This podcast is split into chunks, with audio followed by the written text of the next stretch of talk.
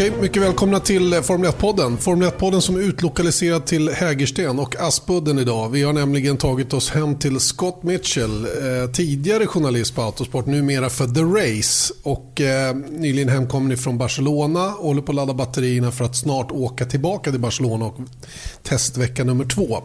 Erik Stenborg har vi släppt iväg den här veckan så att, eh, det får bli Scott som, som eh, som kommer in och eh, tar över istället. Eh, Scott, home reloading, recharging. I know you have super much to do, but uh, thanks for having time to be on our podcast. Well, you've made it easier by, by coming down coming down here, so it's a, it's a, it's a lot nicer. No, it's good to get uh, a couple of days off. Um, I must admit, it's it's slightly nicer coming home here in between the two tests than when I lived in West London, which is a bit a bit grayer, a bit more miserable, a bit more rainy, and here it's actually it's quite lovely outside. Yeah, isn't it? It's like Th- today bright, it is. bright blue skies. it's not warm. It's never warm at this time of the year here, but no, it's really nice. It's a good, Yeah. really good way to sort of recharge because first test is hectic, and then second test is when it gets interesting. So you've got to be all guns blazing. S- That, that, that's the case, yes. Uh, you never had any thoughts about staying in Barcelona for a few days? No, um, my my colleague Ed Straw is is out there in between. Ed quite likes minimising his travel between, and it works quite nicely. I think for back to back races, I think it's quite useful to just sort of stay out and then either spend an extra day in one country and or, and then go over to the next. But for, for testing, just because it was so intense, and obviously the test is slightly shorter this year, you have that extra day. I just thought come back a couple of days to, to, to properly recharge. I prefer Sweden to Spain, so I'm I'm perfectly happy to come back here. I, I exactly know what you mean. Uh, every every extra night you can have in your own bed is worth so much. Okay, let's skip that part uh, and get right on to it. Uh, to the Formula One testing, we have seen three days of testing. Uh, quite interesting, I think. Uh, I was watching the whole thing from from home, and it's televised both weeks for the first time. Last year we had the first week televised. This year both weeks, which is convenient, I think, for the teams as well, because they get a chance to really see the competitors on track. And they also get a little bit more data as well because basically what they've done this year is turned it into a big proper F1 event. So that means there's there's there's more uh, there's more stuff like the timing loops and the, the, the data that they're it, they're producing Formula One in, in terms of the timing and everything else. The, the teams have that, so it's a little bit of payback because they have to put what they're doing more on display, but in return they get a little bit more of an idea of, of what everybody's doing. So that, that that's quite interesting. And obviously the big thing, because the main talking point from testing was obviously day two, Lewis Hamilton pulls his steering wheel back towards him on the straight, and everyone's eyes pop out of their head. we wouldn't have had that without the the testing. Imagine if we didn't have that live coverage. Um, we might not have found out about the DAS until FP1 in Melbourne, and now it's the it's the biggest talking point in the F1 paddock. So I think it worked. I think it's worked quite well. So, uh, speaking about DAS or dual axis steering, uh, how how important is it? Is it a, is it a, um, a deal breaker?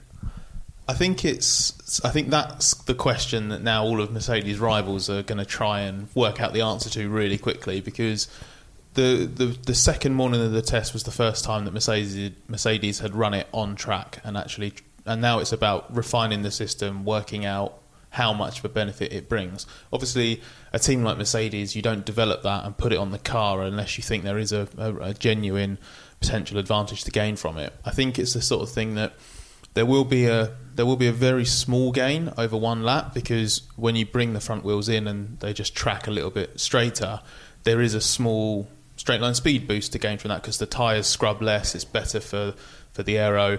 So so there will be a small gain there. It'll be quicker off the corners as, as well. But the main thing will be over a race distance, and especially on on tracks where you're really hard on the outside the outside front tyre, for example, because Pirelli reckon that just by straightening up the front wheels, even by that, you might cool it by an extra five degrees, and it will just take a little bit.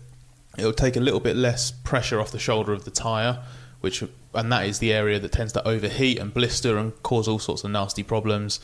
Uh, so that's where it will pay back, and it might only be a second in lap time, but it could be an extra lap on a stint or an extra two laps on a stint. We we don't know, and if that's the case, and it's as close as we are really hoping it's going to be this year with Mercedes versus Ferrari versus Red Bull, that might be that might be the difference. It could well be the game changer. Unsurprisingly, Mercedes rivals are all trying to play it down. Oh no, we'll see, and let's see how how good it actually is. But I think it's the sort of thing that it, this is why Mercedes are so good and, a, and six-time double champions. And, and as I understand it, this is this has always been the compromise. How much toe out and camber you can you can have without without destroying the tires too early and, and create too much drag on the straights. So so this is a really really clever way of getting around a, a very old problem. Yeah, it's a, it's a it's a brilliant solution because you're right. When you have that setup, that's about maximising it on the corners, and the alternative would be you can have the, the front wheels tracking absolutely straight and true, be slightly better on the straights, but you wouldn't have that performance in the corners. And F1's rules are quite specific. You can't have anything that adjusts the suspension while the car's moving. So all of those tricky suspension components they they are locked in and then when we get to a race weekend you've got parc ferme conditions so once you set the car for qualifying you can't then change it for the race so an F1 car is always designed with compromises in mind, and this is just such a. That's why this is so clever because it's it's a system that for well for 2020 only really, Mercedes will be able to balance, and they, they will basically be able to set that car up a bit more optimally for the straights without taking away the cornering performance. It's just I, it's just genius. I'm I'm really really impressed by it. And all, already it's banned for 21 we know that. Um, somehow they know that they don't want this kind of uh, devices on the car. So so it's going to only be this year that you're going to be able to use it. But um, is it is it is it right to have a thing like this that can correct the car while running? yeah, sort of morally more. Yeah, I mean, I, I don't know. I, I think to me this is what it makes F1 brilliant when because there are lots of little innovations in Formula One, but you don't really see them because they're often under the surface and and it's difficult to really get a grasp of just how much effort goes into the design of these cars and to make them to make them a little bit more um, perfect. Basically, it's all about these marginal gains. So, so I think it's absolutely spot on because there are rigorous safety tests and everything that they need to go through. So this system will have had to have gone through the FIA crash tests and it would have passed it. So it's not unsafe. The drivers, it's not an automatic system, so the drivers have to do it themselves, which means it can't happen by accident. It can't, you, they won't be halfway through a corner, a really quick corner, and suddenly the steering wheel moves and they lose control. You're at, you're more likely to crash because the driver's got a bit too quick on the throttle than you are because of a problem here. So the only reason, in my mind, this is wrong is if it's unsafe. But there are so many, there's so much criteria to satisfy now. I don't, it, it can't be safe. The only way, the only way the DAS fails and causes a problem is if something fails within the steering system. But that goes for a normal steering rack as well. So uh, this is considered to be part of the steering, not the, the, not the suspension. That why that is why it's legal now. Uh, is that the case, sir? I think so, yeah, and I think that's why, even though Mercedes rivals have sort of indicated that there might be a parc ferme problem because going back to this this rule where everything's set once you start qualifying, you can't change it in the race. The argument would be that if it alters anything within the suspension setup, then that would make it in the race different to what they've declared before qualifying. But again, as I mentioned just now, there are already strict rules that say you can't change the suspension settings on the car while it's in motion. So Mercedes has obviously already gone to the FIA with this design, and the FIA's technical department have given them the prov- provisional green light in, in principle. And they wouldn't have done that if this contravened that suspension regulation, which must mean that the FIA's technical department considers it a steering mechanism, not a suspension mechanism. And then, so to go one step further, if you apply the parc ferme logic, it's not changing any suspension element because it's not considered part of the suspension. And the key argument will be from Mercedes rivals, they will basically try and, if they decide to protest it, they're still within their rights to. And it's not 100% guaranteed that the Grand Prix weekend stewards would agree with what the FIA technical department has told Mercedes, but it would be really unlikely for them to go against it. The only real reason I can think why they would is if, however, Mercedes presented the system to the FIA is different to how they use it in, in practice. So I, I think it should be okay, which is why Mercedes are quite smug about it. Um, and we sort of take for granted now that you are you who are listening know what DAS is, the dual axis steering. It's it's a way for Mercedes to, to to change the toe angle on the front on the front wheels uh, to straighten the tires up on the straights and go back to toe out when you come into the corner. That is what we're talking about, the DAS system. Um, let's leave that because it is what it is. Uh, we don't really know how it works. Uh, it could be different solutions for it, uh, and Mercedes obviously don't don't tell us much about it and what it does, but but it's there, and they're probably gonna use it. Um, talking about Mercedes instead in terms of pace, they were really quick as well. Just a few tenths of uh, the, the, the lap record, which was uh, set by Valtteri Bottas in qualifying last year. Yeah, of course it was on a C5 tire, but still it was at least 30, 35 kilos of, of fuel in the car. So it's a quick time. Yeah, and very impressive because this crop of car, I think, is. I think in 2020 we're going to have many more lap records fall after last year. I think two thirds of the, the lap records were broken last year. Um, and we're going to have more go this year. And then I think this year's records are going to stand for a long time because when the rules change in 21, the cars are going to get quite a bit slower, anywhere between three and six seconds, depending on, on who you ask. So I think I think we should savour how quick these cars are going to be because I think this could be the quickest F1 goes for, for quite a long time. I would be amazed if we don't have a, a, a new track lap record this this week I, in, for the second test. I I think Mercedes, Ferrari, and Red Bull all have the capability to go below it, and I'd be really interested to see if any of the leading midfield teams do as well because all signs point to these cars being about a second quicker than last year, which is ultra impressive, and that gives you a good idea of what to look out for when if teams go below that uh, go, or get anywhere near the lap record and then go below it, then you know that they're probably doing a qualifying run. Yeah. And uh, Mercedes was really quick. Uh, Valtteri Bottas um, making the, the quickest lap of all uh, was seventh, seven tenth quicker than, than Lewis Hamilton. But I guess Lewis never chased the ultimate lap time on his tries on, on the softer tire. He did a run on C4 and C5. I think he did one, but I think he got it slightly wrong. I think oh. he was pushing quite hard, and it just yeah. the lap just sort of got away from him. The sort of that again, a, a bit of an indicator that it was almost a qualifying simulation because he was on the limit and he went a little bit over it. Um, it's interesting to see though that Mercedes is really pushing for performance already in the first week. We saw uh, quite the the opposite way of taking on the testing last year. This year is more Ferrari who is who is keen on knowing what the car can do and, and keen on getting the, the, the setup window wider than they had last year. Yeah, they've sort of swapped around because last year, if you remember when Mercedes changed the car quite dramatically between test one and test two, because a year ago when we had that change in the front wing regulation, so Mercedes locked in quite early to a really basic sort of point to start with on their car, go there for the first week of testing, then bring upgrades and try and unlock a bit more performance in week two. Whereas this year, because the regulations have stayed the same, they know where they needed to evolve the car. They have evolved it in a few areas, but you go to testing and it's more of a known quantity, so they're able to go there and just sort of get down to work a little bit quicker, which is why they've been able to add a bit more performance to the car earlier because they can just work through that program quicker. Ferrari with their 20, uh, 2019 to 2020 changes, they've basically gone for more downforce. There's a lot more that's different, really, about this Ferrari compared to last year than there is between the two Mercedes. So Ferrari need to do that work to try and understand it. They, they want to make that, as you said, the, the setup window wider. So now they're trying to play with setups, go from one extreme to the other, and, and see what changes and, and how the car reacts.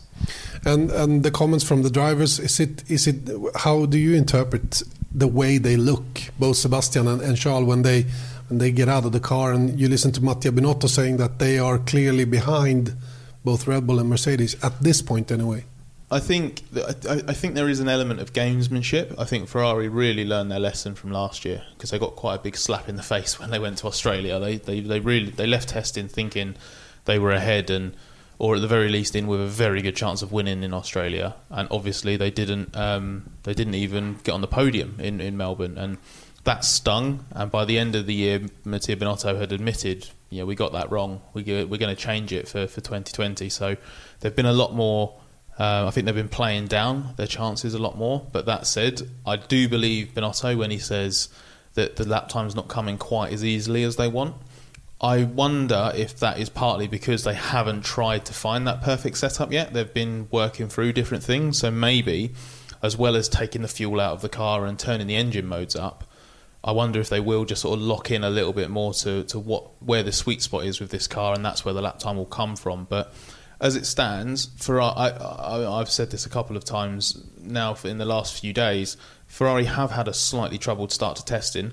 Um, they had an engine problem on the final day. All three of the big big teams and their engine manufacturers had a setback of some kind, uh, and, and they don't have that headline lap time. And it's all well and good saying that they're hiding a second in engine power and, and things like this, but they do then need to actually go out and do it. So this week is really interesting because we we can see that Mercedes quick.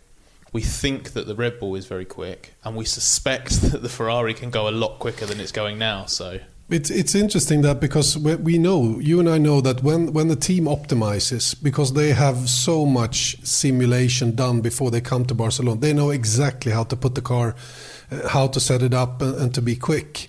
And and for in in the case of Ferrari now, they don't. They try to this this sort of provoke the car to do different things. Uh, is there uh, a risk of getting confused as a driver? I mean, I think it's I think it's more. I think in the past probably more of a risk because you can end up sort of making too many changes. And actually, Max Verstappen talked about this from Red Bull's point of view. They he says that sometimes there's a lot of value in just going out and leaving the car the same. Otherwise, you spend all your time changing the setup but you get so much more track time at a test than you do in a Grand Prix weekend, and that track is changing all the way from the morning until the, the, the, flag drops. So, how can you actually be certain that the change that you've made on the car is what's made the difference? What if it's because track temperature's up a few degrees or because it's rubbered in a little bit more? So, I, that, I, I don't think Ferrari know exactly where that sweet spot is on their car yet. That's why the next three days are important. And this is goes back to what we were saying about Mercedes a year ago they they brought their new parts for the second test, and they thought, here we go, this is going to fix it. And then the first two or three days, they didn't have anything. They were like, well, hang on a second, why are we not loads quicker? And it was only on the last day of the test that Mercedes properly unlocked the potential in their 2019 car. And I wonder if that's the process uh, Ferrari is having to go through now. So it isn't just that they are clearly sandbagging Ferrari aren't going to go to Melbourne and be the eighth fastest team or whatever. No way. I'd be amazed if that would be a no, horrific no, failure no. if they did. Um, but there is definitely work to do. So, in your gut, what is your gut feeling? How far behind? Are we talking one, two tenths, maybe, if they are behind at all? Yeah, I think I think we're definitely only talking a matter of tenths. I would, I have to put Mercedes on top at the moment because that car it just looks good. It's reliable We've heard a lot from uh, James Allison, the technical director there, about how big an improvement they've made on the engine side and also the aero side. And from the Red Bull camp, I can just see a certain confidence and swagger about the way you know the way Max is just totally chilled. Christian Horner looks quite happy, so and that car looks really good on track. But I don't know if they're quite at Mercedes level. But I think those two are there or thereabouts. And then I think Ferrari at the moment, I reckon if everyone took all of the fuel out of their car and cranked the engines up to 10, I think Ferrari might be a tenth or two behind. But I think there is that pace in the car if they unlock it. So I, I think it is actually very hard to, to split them, and we shouldn't read too much into the, the negative comments that people are making in the press they will get some answers this week because when the when the fuel goes in and they do all of their race runs, there's it's much harder to lie about the performance of your car. Um, I know that Mark Hughes, who is working together with you guys, have, have sort of crunched the numbers and, and have seen the pictures more clear uh, and see that Ferrari is not not way off anyway. They they they are about the same level as Mercedes. Yeah, it's interesting because you can always look at the little stints that everybody does, and then obviously extrapolating that data is a bit risky because what you see over 16 laps isn't necessarily what you see in reality over 66. But taking your best guesses and estimates of what fuel load people might be running and assuming that you can work out from the GPS because the teams have the GPS data and we don't. So what Mercedes has indicated is that Ferrari is running a very detuned version of its engine at the moment. Even and you can d- make that comparison compared to their customer team, so they can see on the data that the time for an Alfa Romeo or a Haas between point A and point B is a lot quicker than the Ferrari. So the estimate is that they're about a second down on engine power. So let's let's see because that's a big jump on its own. You take the fuel out, that's a big jump on its own, and you actually start to really try and chase performance of the car setup. So yeah, there'll be it'll it'll be close. I'm pretty sure it'll be close. So um, we have talked a lot about Mercedes and a lot about Ferrari. Uh, Red Bull, you mentioned, looks very good on track. Max Verstappen seemed relaxed about the situation. Christian Horner seems okay with everything, uh, and a lot of laps for once from Red Bull side. It's it's um, the reliability is there. Even though they had a bit of a reliability problem on day two when Honda they didn't see anything at the track, but Honda were running their their dyno work back at Sakura in Japan alongside it, and they spotted something on the data that, that worried them a little bit. So the advice from Japan was to change the engine trackside. And normally, an engine change on day two of testing that and you know that's like McLaren Honda territory of oh that's a bit of a scare especially because day one was so good almost three times a Grand Prix distance that Max Verstappen did on day one but this is how good that Red Bull Honda partnership has got and how much better Honda's got. Even with an engine change and a reliability setback, I think Alex Albon still did 130 laps on day two. That's that's a massive amount of laps. That and Red Bull have had basically their best first week of, of testing ever. They're pretty confident that what they've done on the car has fixed a few of the stability problems of, of last year. And Honda seems to have delivered again on the power and reliability side. So I really want to see that car do a proper quali sim this week, or at least close to one, because the, everything sort of seems like it should add up to a really quick time, and on Mercedes level. Until you actually see it, you don't know for certain. No, and we I guess we have to wait until maybe now we don't go to, but let's say Bahrain, the qualifying in Bahrain, which is the first proper track, although it's kind of different different uh, circumstances coming there anyway. But but Australia is so and Albert Park is so different to any other track, so it's hard to judge by coming there as well. Um, and the thing that I wonder most is has Honda found the 20 30 extra horsepower just for the quali laps for the for the Q3 laps? Yeah, because the race the race engine is good enough already. Mm. It, on in race trim, I think they're pretty much there with with Mercedes. They certainly were at the end of last year. For outright performance, it's difficult to know because I think it's characteristics of the engine and the way the the way the engine's designed. But we saw at high altitude last year, Mexico, and, and then again in, in Brazil, the Honda that is actually bang on in in certain conditions in, in qualifying, but I, I don't know whether it's going to be because of just the way that engine's designed. They seem to be trying to play down the impact of, of altitude and just sort of saying, "Oh, it's just the way the package works together." And I guess like the that. cooling is quite efficient on the engine, or the engine is not as, uh, as sensitive to cooling as, for instance, Mercedes. Well, we saw that in Austria as well, didn't yeah. we? It was really yeah. hot there. That's what and I mean. That, that was and that was quite telling, I think, of how much progress Honda had made because normally in the past they've been the really fragile ones on reliability, but that was a weekend where engine reliability and cooling and all the factors involved in that decided that Grand Prix. And it was Mercedes that had the big problem, and Ferrari were a bit off it as well. It was Honda that, that did the business. So let's see what they've done for this year. That oh, oh, again, it's a bit like the Red Bull on the car side. All the all the noise coming from the camp is quite positive. They've not gone anywhere near the high high power modes. We've seen a little bit, I think, from I was going to say Toro Rosso, Alpha Tauri, obviously, uh, that they've turned it up a little bit more, and that looks promising. But yeah, even this week when they bolt C5 tires on and seem to like absolutely go for it, it's still going to be really difficult to actually know what that car's capable of. Okay, but it, it, to me it looks like we have a good fight on our hands, uh, top three wise, with the with the three biggest teams. Then we end up with the with the midfield, uh, or do we have a field within the top three and the midfield? Think I, I think about uh, McLaren and Renault. Are they going to be a little bit quicker than the rest of the midfield, and sort of building their own championship in between? I think those two and maybe Racing Point with the pink Mercedes from last year. I think those three are the ones that have that potential to, to start to bridge the gap.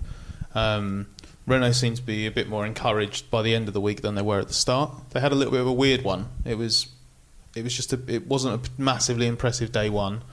Um, even though you've got that visibly different front of the car with the with the nose. Um, day two, they lost track time because Ricciardo smashed a curb and and, and then they lost some time there. Uh, but then day three really salvaged it, loads of mileage and um, quite a quick lap time as well. Um, McLaren were really talking up how good their week was, even though there was no lap time, and they they have what Carlos Sainz called a, a very basic car because they're basically going to bring all of their performance bolt-on bits for, for week two. So I think those two teams, because you had Renault were, were fourth best a couple of years ago, McLaren were fourth best last year. Those are the two that, if anyone's going to make a bit of a jump towards the top three, it'll be those two, based on the momentum and the resources available. But then you've got Racing Point in the mix as well, because we know how good the 2019 Mercedes was, and that doesn't mean that Racing Point, by trying to copy them and replicate that design, means that they're going to win races or score podiums this year. Because, as we said, that this crop of cars should, in theory, be a second quicker than last year's or something like that. So, but that would be enough to put them right at the front of that midfield fight. And we know how good the technical team is there because when that team was Force India and they didn't have a lot of money, they regularly built the fourth or fifth fastest car. So those are the three that I'm looking at and thinking that could be quite interesting. I think it's going to come down to the developments they put on the car in week two and then how much they're able to improve the car by the time we get to Australia. Um, speaking about uh, about Racing Point, it's it's quite interesting to see that now that they have the funding, they they pursue the way of building a car like Mercedes have built their car. They they pursue their philosophy of building a, a race car, which they, I guess, haven't had enough money to do previous years. They have the gearbox, they have the engine they have the um, the suspension from Mercedes, at least in the back of the car. But then they had their own concept with a lot more rake than Mercedes uses. Now, as you say, it's it's a it's a clone. And it makes sense to do that because the way they've explained it, and it goes for Alpha Tauri and Red Bull. Uh, if you have physical architecture within your car, especially in this F1 context where you've got the gearbox at the back and then the way the rear suspension is, the geometry is around the the pickup points at the back of the car, that defines quite significantly how that rear end is packaged. And Mercedes isn't going to build a gearbox that doesn't fit the philosophy that it is trying to do with its entire car, which means their lower rake philosophy is a clash with what you need from the back of the car for a for a higher rake concept, which is what Racing Point kept trying to do. But they they they did that because they persevered with, with higher rake for a long time, and because they didn't have any money, they kept having to carry over the chassis and carry over the concept year on year. And so you end up in a position where you're basically it's like trying to push water upstream because you can't change it because you don't have the money to, but you're still trying to pursue a concept that parts of your car aren't best suited to. So eh, quite a difficult situation. But now they've finally got the money, they've gone well. Let's throw away the design work we were doing before and let's look at what Mercedes have done because they've not been given any secret information from Mercedes. It is basically look at look at photos of them and say, okay, this looks like this. This seems to do this. Can we make our own version of that? Put it in the wind tunnel. Put it on on on the CFD in, and, in the Mercedes wind tunnel as well. Yeah, exactly. And then actually see if they can get it to all come together. But as anyone who you know, it's like anything. You, I can have a look at my kitchen table and say, okay, well it looks like this, the legs shaped down like this.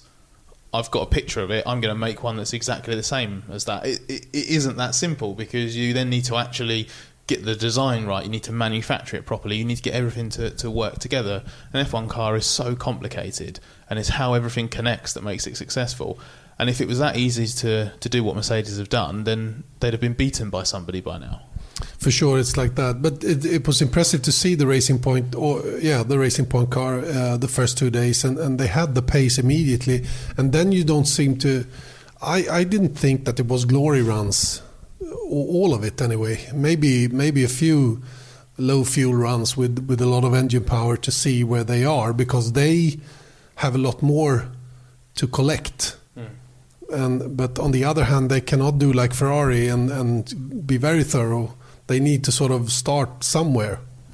I think that when you've got when you've done a big change like that, and Racing Point have talked it up as being a, a big risk in in terms of switching that concept, throwing out everything you've learned to try something new. How would you like to look five years younger? In a clinical study, people that had volume added with Juvederm Voluma XC in the cheeks perceived themselves as looking five years younger at six months after treatment. Look younger, feel like you. Add volume for lift and contour in the cheeks with Juvederm Voluma XC. Reverse signs of aging by adding volume to smooth laugh lines with Juvederm Vollure XC. For important safety information and to find a licensed specialist, visit juvederm.com. That's J U V E D E R M.com. Not for people with severe allergic reactions, allergies to lidocaine, or the proteins used in Juvederm. Common side effects include injection site redness, swelling, pain, tenderness, firmness, lumps, bumps, bruising, discoloration, or itching. There's a risk of unintentional injection into a blood vessel, which can cause vision abnormalities, blindness, stroke, temporary scabs, or scarring. Talk to a licensed specialist to find out if it's right for you.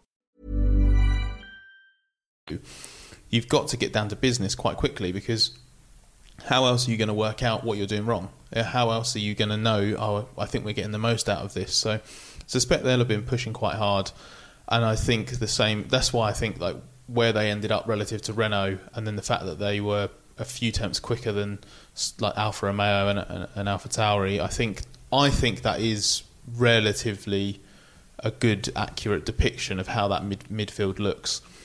I just don't know exactly where McLaren is going to f- fit into that because they were the fourth best team last year. If they've made the same step that everyone else has made, then they're going to be further ahead again. But Racing Point have made a big change. Renault have made a big change. So in theory, that, that that's going that's going to be a really interesting battle, and it's quite cool because you've got a proper works team in Renault. You've got that sort of independent in McLaren that's also using a Renault engine. Um, but we know what McLaren is. They're, they've been they're, historically they're such a successful team, and we know the resources they've got there. And then you've got Racing Point, which is a smaller, leaner operation, trying to do something that neither of those teams are doing by using technology from a big manufacturer like Mercedes. So it's quite interesting. You've got three different concepts of F1 teams there going about building their cars and designing their cars in a different way.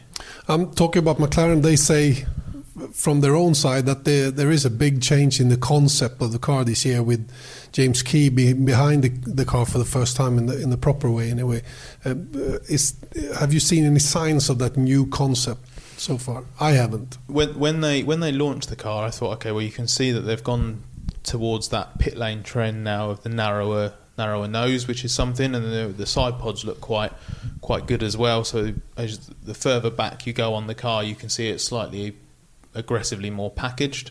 I think there are quite clear signs that this is a proper James Key car. It's not just a carryover of what the technical team from before were doing, but it's they don't have that same level of intricacy on the barge board and barge board area. And this is where I think when Carlos Sainz says it's a basic car and they'll have upgrades, I wonder if this will be where we see it. Are they gonna are they gonna have a bit more of a sophisticated bargeboard area, or are they going to look at? Are we going to see something interesting turn up in that sort of cape area under the nose, or what are they going to do that suddenly makes you go, "Oh, I can see why that last car was basic"? Because it looks like quite a good car. So I'm interested to see how much more complicated it can get. Okay, then we we we we have Alpha Tauri and we have Alfa Romeo, as we said. Uh, I leave Williams for last because I, I assume they are last still, but a lot better than last year. But let's let's stick with Alpha Alfa Romeo and Alpha Tauri. Seem to be quite evenly matched at the moment as well. Um, Kimi is uh, Kimi is Kimi, saying to everyone that the testing is you only make up stories, blah blah blah but testing is testing, and, and it's testing for him as well. What what do you reckon you have seen from Alpha Tauri and and, uh, and Alfa Romeo so far? I think it will be a little bit similar to last year because I don't really see anything from those two that indicate they'll jump forward and lead the midfield. I think if if I had to put money on either of them bringing a surprise, it would be Alpha Tauri because it's that combination of they use components from last year's Red Bull where they can but by doing that, it's not just about making sure that you know those bits on the car are mega. by not having to worry about those, the technical team uh, there can then focus on the areas that they need to focus on, like the aero part. So in theory, there you've got that. It's a bit similar to what um, Haas do with uh, Ferrari, and a little bit similar as well to what Racing Point are doing with, with, with Mercedes. Although Racing Point don't go quite as far.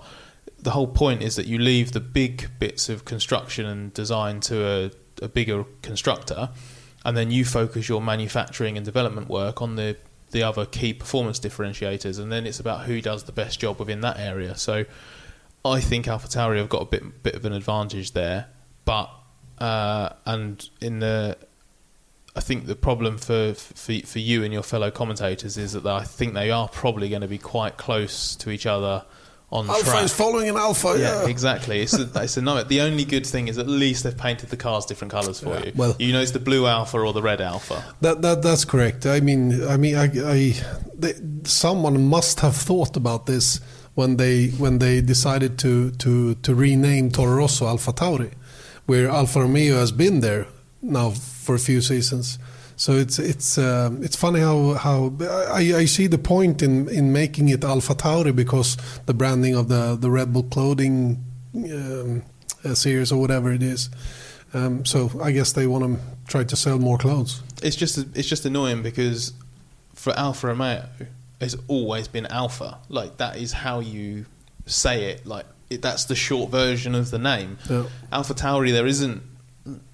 It's presented as one word. So are you gonna are you gonna just say Alpha Tauri every time? Yeah, probably have to because I said Toro Rosso the last year. Yeah. Uh, the the the, the uh, last year when, when they were Toro Rosso. So I guess Alpha Tauri, I will call them Alpha Tauri, but I'm going to slip over and say Toro Rosso every now and then as well, which I did with the, with Alfa Romeo and call them Sauber uh, once in a while as well. So, So, if you say Alpha, then For me, Alpha is Alpha. Li- listeners should know that Alpha means Alfa Romeo. Yeah. It doesn't For- mean it's for- not short version of Alpha Tauri. It, no, to, uh, not now anyway. Let's see whatever happens. But but for me, for me, uh, for me, Alpha is Alfa Romeo, and and Alpha Tauri will be Alpha Tauri. So I guess that's the way to to sort of separate them. I, I, people ask me sort of why we should refer to it as Alpha Tauri and not Toro Rosso, but it has changed ident- identity completely. And also, Yeah. there was no reason to call the other team Toro Rosso. It was just that's what Red Bull decided to name it. So. Uh, it's not like in the Minardi days when it was that was the, the eponymous team owner. No, you know, there wasn't uh, Dietrich Mateschitz isn't called uh, Dietrich Toro Rosso, is he? No. So there's not a there's no real issue No, here. no. I get that it's a little bit weird because it's it's also a clothing company or, or brand, whatever you want to Yeah. call it, that people haven't heard of. But that's why you do this sort of thing, isn't it? Because Exactly. I mean, that's the only point. I mean, the only reason they do it is to to uh, to make us aware of this this clothing clothing uh, brand or whatever it is. Uh, okay, uh, ending up with Williams then. Williams, who um, who have a, I mean, the, the, the, to me the car looks okay. Uh, I, I understand that it, it lacks overall downforce, so that it can't go as quick as the big teams or, or even the, the best teams in the midfield. But it's a lot better, more more uh, reliable car for the driver as well. Yeah, and the everything surrounding that team and the new car was quite positive last week. They're not gonna they're not gonna suddenly jump into Q3 contention and score points every week or anything like that. But I think they've got half a chance now of actually fighting for a Q2 place, which is which is what they need to do is close that gap and be part of the midfield again. The most interesting comment I heard was actually from from my colleague Gary Anderson, obviously a race winning F1 technical director, um, who went trackside and said the Williams actually looks like a racing car this year, whereas 12 months ago in testing it was a Yeah, it was terrible. It was a pig. And George Russell said the first few times he drove the car last year were actually quite scary. And he used that word, whereas this car instills more confidence. I think it's a bit more of a well-rounded package.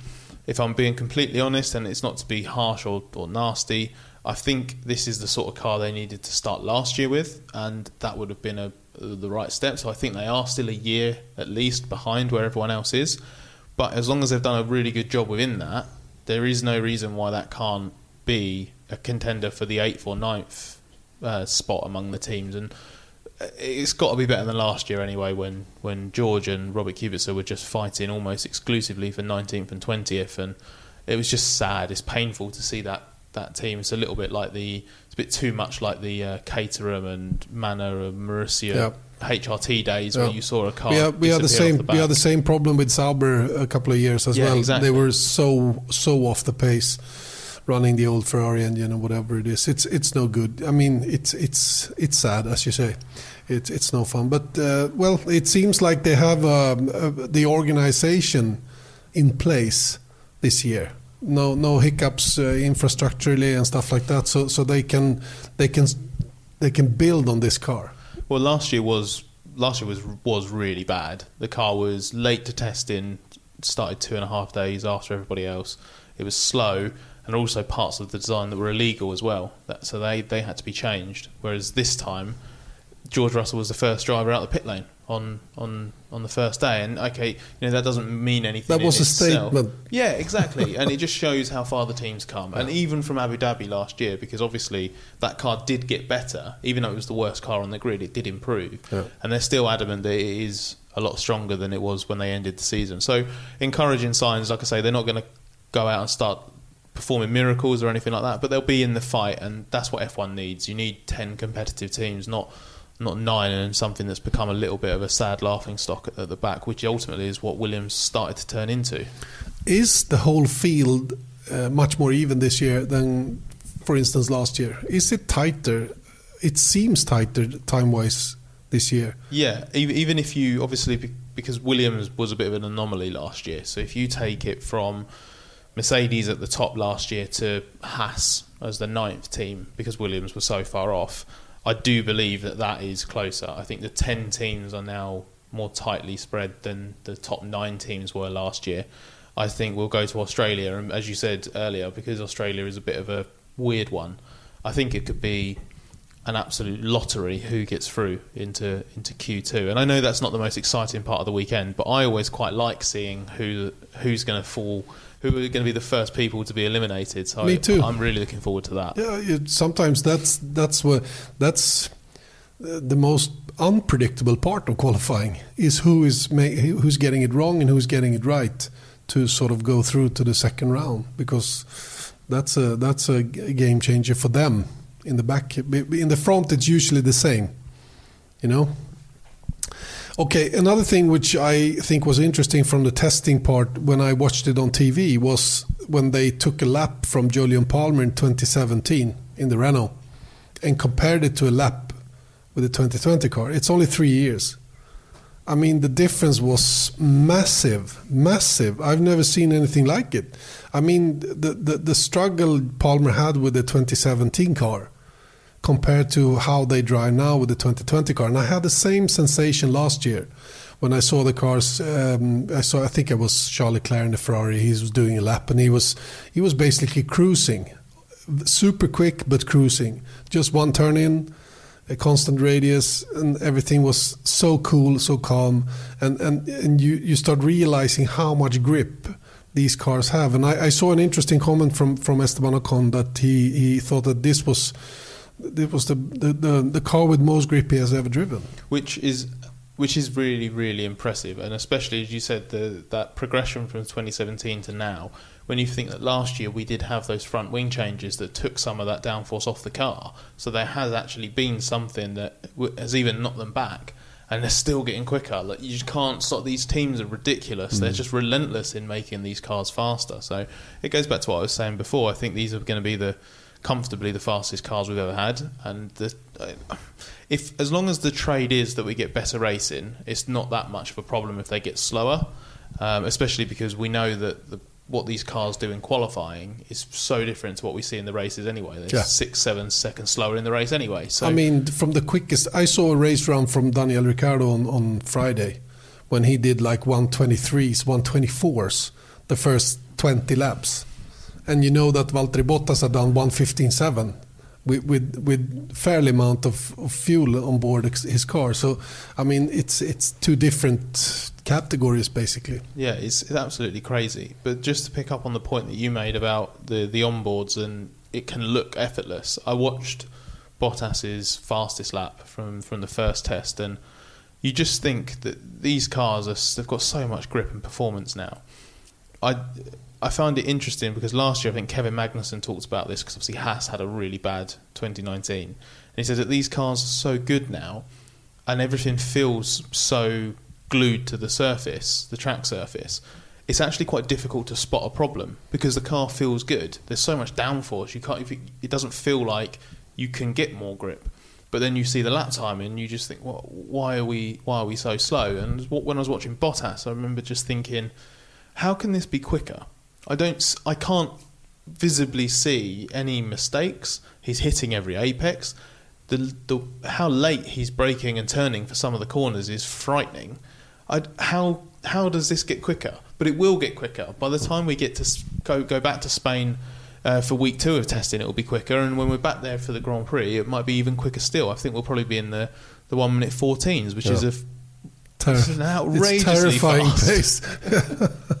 yeah, it's it's it's uh, it's strange. I I totally agree with that. That's why we need the regulation change now for 21. We need to sort of take away some of the pace because they're going to gain it back maybe not the whole thing, but at least three or four seconds in, in two sec- in two seasons. And when you see the performance that these cars have, you realise why the racing is not good now. Yeah. Because there are no there aren't there are no braking zones or turning phases. It's it's all just just the more and more corners are just becoming straights. So where do you expect overtaking to happen? Because the cars can't follow; they fall a bit back, and there aren't braking zones or anything to make to make up that, that time again or, or launch an overtake. So I don't care if the cars get three or four seconds quicker. If as long as the it, it's sad in a way because, as I said, F1 is this pursuit of excellence. So in theory, they should always get quicker. But if the trade-off is better racing, it is a sport and an entertainment business as much as it is a, a technical competition. So I'd happily make that trade, but it has to be it has to work. They can't be slower and be bad at racing. No, that's the key thing because that was the case back in 2014 when we had bad reliability as well, and and, and the the best car in in GP2, whatever it was called then, was like starting P17 in the Formula One race, which is not okay. Should be a bigger difference. So. I understand what they did back in 15 when they said that the, we need to go a lot quicker than the was it the Q2 uh, time or Q1 time in 2015 for the for the 17 cars, and, and but and then we have just gone quicker and quicker and quicker and as you say, but still if if you if you think about that, we still had a, a, lot of good racing last year. Even so, even if the cars are really quick, I'm a bit worried about this year if if it is like it looks like. But but I had the exact same feeling at the test last year that what can these guys do better? It's impossible. They just go around and they turn in and they, they as you say they hit the apex, they brake when they should brake and they just how can they go quicker? It's not possible. This is why it's so important that Red Bull and Ferrari are, are at the races this year because we, the big thing that we lacked last year was there just was no title narrative. It was, I think, it was probably the best F1 season for for quite a few yeah. years because pretty much after France, I don't think there was ever a race weekend where I was like, "Oh, this they're going to win, aren't they?" But you didn't know because no. we went to uh, we went to Austria, and obviously Red Bull won there, and then we went to Germany, and Ferrari should have won there, but then uh, Max won, or sorry, went to Britain in between, and, and Silverstone, and you know Mercedes were back on top. And after the summer break, it was anybody's guess, especially when Ferrari had the uh, quite controversial power boost, and uh, suddenly they were dominating qualifying, but they weren't turning that into race wins. So if we have that from the beginning, okay, if it means that over the 20, well, hopefully we'll have 22 races, but let's say you have an even split and each team dominates one third of the of the races. As long as that's done in a way that at least makes it interesting on that given weekend and then contributes to a championship, like that's fine because that will be better than what we've had before. But I am a bit I'm not entirely convinced how easily we'll have wheel to wheel fights. Maybe what we saw between Leclerc and Verstappen at Silverstone and Austria last year might be a bit trickier to do this time around. But we can always hope because I suspect, as you said, people probably thought the same a year ago. Yeah, I think so. I think so, and I and, and I certainly hope that we can get a proper get some proper racing this year as well. Even even though the cars are really really quick. Okay, looking at uh, certain drivers then.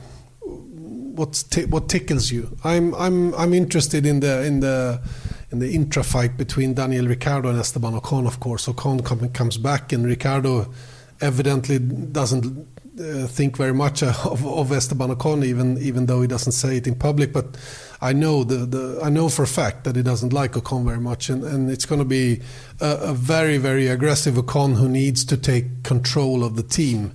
Otherwise, he's going to be number two, easy peasy. Was it Hungary? A couple, was it Hungary in 2017 or something like that when Ocon, I think he blocked Ricciardo. It was either blue flags in the race or qualifying or something, and Ricciardo said over the radio, "Who was that?" and he got told it was Ocon, and he was just like, "I don't like that guy's face." like he he he really, there, I think there is needle there, but and what's interesting is as well as Ocon needing to prove himself, Ricciardo might be on his way out of the team. If Ricciardo gets halfway through the year and decides, or even earlier, and decides I'm not staying here, or he gets an offer from Ferrari to replace Sebastian Vettel, why would he not why why would he care about his relationship with Ocon and in the team? So I don't think get, I don't think he does it any, anyway. But I think if he thinks because because they're not they're not idiots, and I think if if they can be managed to a degree, if they can at least be respectful towards each other, I think if you're Renault, a Ricciardo Ocon partnership is really really good, especially if you do nail it in 21 and you've got a, a potential car that can fight for podiums. I think yeah. you've got a really strong lineup there. So ideally, Cyril Abiteboul and Alain Prost, they're going to want to keep Ricciardo and Ocon together. But and if that's the case, I think Ricciardo and Ocon, I think they tread the line a little bit more carefully. If Ricciardo's on his way out, I, I, I don't see any reason for him to go, well, I'm going to give this guy some respect because I don't like him and I want to prove that I'm the big dog and leaving on a high. So I can see that turning into into sparks. I think it'll be. We know how much Grosjean and Magnussen, for example, at Haas have, have, have clashed, and um, if anyone watches the Netflix Drive to Survive series, the um, the I think it's the second episode of the second season. You've seen it. I've I've not seen it, but I know what's in it, and some of the stuff about the Magnussen Grosjean relationship is it's stunning, and Günther Steiner is in like peak sweary Steiner form, so that's really worth watching. And I I wonder if Ocon Ricciardo will go down that route.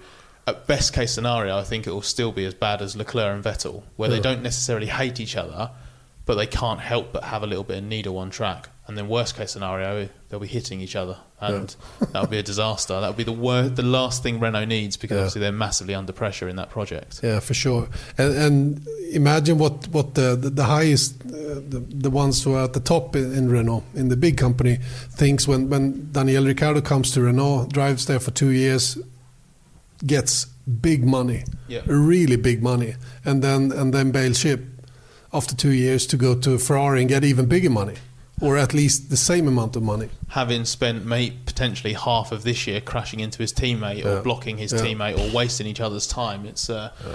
it's not a very good situation to be right. in. They need so. so what behave. what does Renault need to do to offer something uh, sustainable for Daniel Ricciardo to to make him stay? Because he he seems to be the guy for the for the for the silly season for twenty one.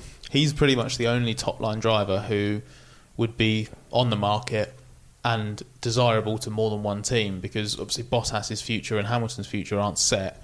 But Hamilton, obviously, we're, we're pretty much expecting him to stay at Mercedes, and then Bottas. To, he, I don't think Bottas is really in command of his future, whereas Ricciardo is. And I think the first thing Renault need to do is prove that they've actually improved the car, and the fir- they've sort of passed that first test because it looks a little bit like they're, they're quite happy with the progress they've made with the 20 car but then it will be actually put that into practice. So go to Australia, get straight into Q3, score points, and be best of the rest. But then the big thing will be how the early developments go at the start of the season. They basically need to convince Ricciardo that they've definitely learned from last year and they're not going to make the same mistakes because, as Cyril Abiteboul said at the team's launch, if they can't prove that they've that they can make a better car from 2019 to 2020, why should Ricciardo believe that they can make a better car for 2021 when the rules change? And that is going to be the key because if they can't convince Ricciardo that they're going to make a better car, why would he stay there? I know he's earning a load of money. It's at least 20, 25 million dollars a year, which is an insane amount of money. But to, he's also a, a sportsman and a, and a top class racing driver. So yeah, it's a load of money, but he can probably command quite a nice salary somewhere else and for the sake of driving around, finishing seventh, eighth, or ninth. But the, what what what bugs me a bit, he left Red Bull where he had decent salary. Was it tw- 12 million euros or whatever, uh, something like that, and he went for Renault, who, who offered him more. Uh, he left a race-winning car because he, he he didn't have equality with, with Max Verstappen, and and now we're talking about Ferrari and joining and joining. Um, probably joining uh, Charles Leclerc if, if Sebastian Vettel leaves. And, and then he's in the same situation again. He's going to drive with the driver who, who they have committed to uh, strongly up until 24, 2024, and he comes in and thinks he's going to be a world champion within that team. I mean, he's sort of ending up like I don't know where he ends up actually. It is a, is a slightly weird one. The, the big difference between Ferrari and Red Bull is I really don't think Ricciardo believed in Honda. I think that was I reckon if he'd have had more confidence that that package would be better than it was when it was Red Bull Renault, I suspect he would have taken the lumps of being Verstappen's teammate and carried on. But I do think it was a combination of not being totally wowed by Red Bull and Honda mm. and having a load of money offered him at Renault. But now he's gone to the other side and the grass isn't any greener. So now it's like, well, where do I go now? I still think he there's no there's no reason why he couldn't end up back at Red Bull. They still think quite highly of him, and there so? is a there is uh, they they do like each other, and yeah. I think there is respect there. Whether or not he'd want to go up against Verstappen again, I'm not sure. But if, for example, because Verstappen's contract, the long term one, that is going to have exit clauses in it. It's going to be dependent on the performance of the car or the engine or where they are in the championship. If Lewis Hamilton just decides, actually, I'm not going to continue, is there a way that Mercedes can get hold of Verstappen? And if not for this year, maybe for next year. So if Verstappen leaves, who do Red Bull get as right. to be their number one driver? I don't see anyone that's there as a real option. Ricciardo's a known quantity, and he's uh, because he's such a likable guy. I think he is still held in high esteem there. But the, the change to Ferrari would would be much more sensible. It seems much more likely because although I still expect Vettel to stay on. He's the most likely of the big guys to disappear off the grid. And then that's just about making amends for the mistake that Ricciardo's made by going to, to Renault, because at least he then puts himself back into a team that, in theory, can fight for the title. So, yeah, you're in someone else's team and you're maybe the de facto number two driver, but you're the de facto number two driver earning a lot of money, driving for a team that might be able to win the World Championship, which is a better trade than doing a deal with a Renault or maybe go to McLaren because there were Ricciardo did have some talks with McLaren about maybe going there um, before he joined Renault. So he has a lot of options. It's just going to depend whether or not the financial elements versus the personal elements versus the competitive elements, like which of those wins out and which seat is available when he makes that decision. Because it could be that he holds out, thinking, "Oh, just maybe Vettel will retire," and he waits and then he misses, and then Vettel doesn't retire, and he misses his chance to go somewhere else. So it'll be interesting to see how it plays out. Yeah, very, very much so. Uh, really interesting to see whatever happens in, in, in, that perspective. Okay, thank you very much, Scott. Um, you gave us a real good teaser of the of the Drive to Survive season two coming on Friday, uh, the twenty eighth. Um, the the second episode you say is the one with the some fireworks in it. I think it's the second episode. Some yeah. some smashed doors or whatever I've heard. I, yeah, exactly. So that, that that should be interesting. I, am I'm looking forward to it. That and the obviously the Mercedes oh. German Grand Prix disaster because they were in Netflix were in the Mercedes garage for yeah. for that implosion. So yeah. that'll be good to watch as well. yeah, it's going to be good fun.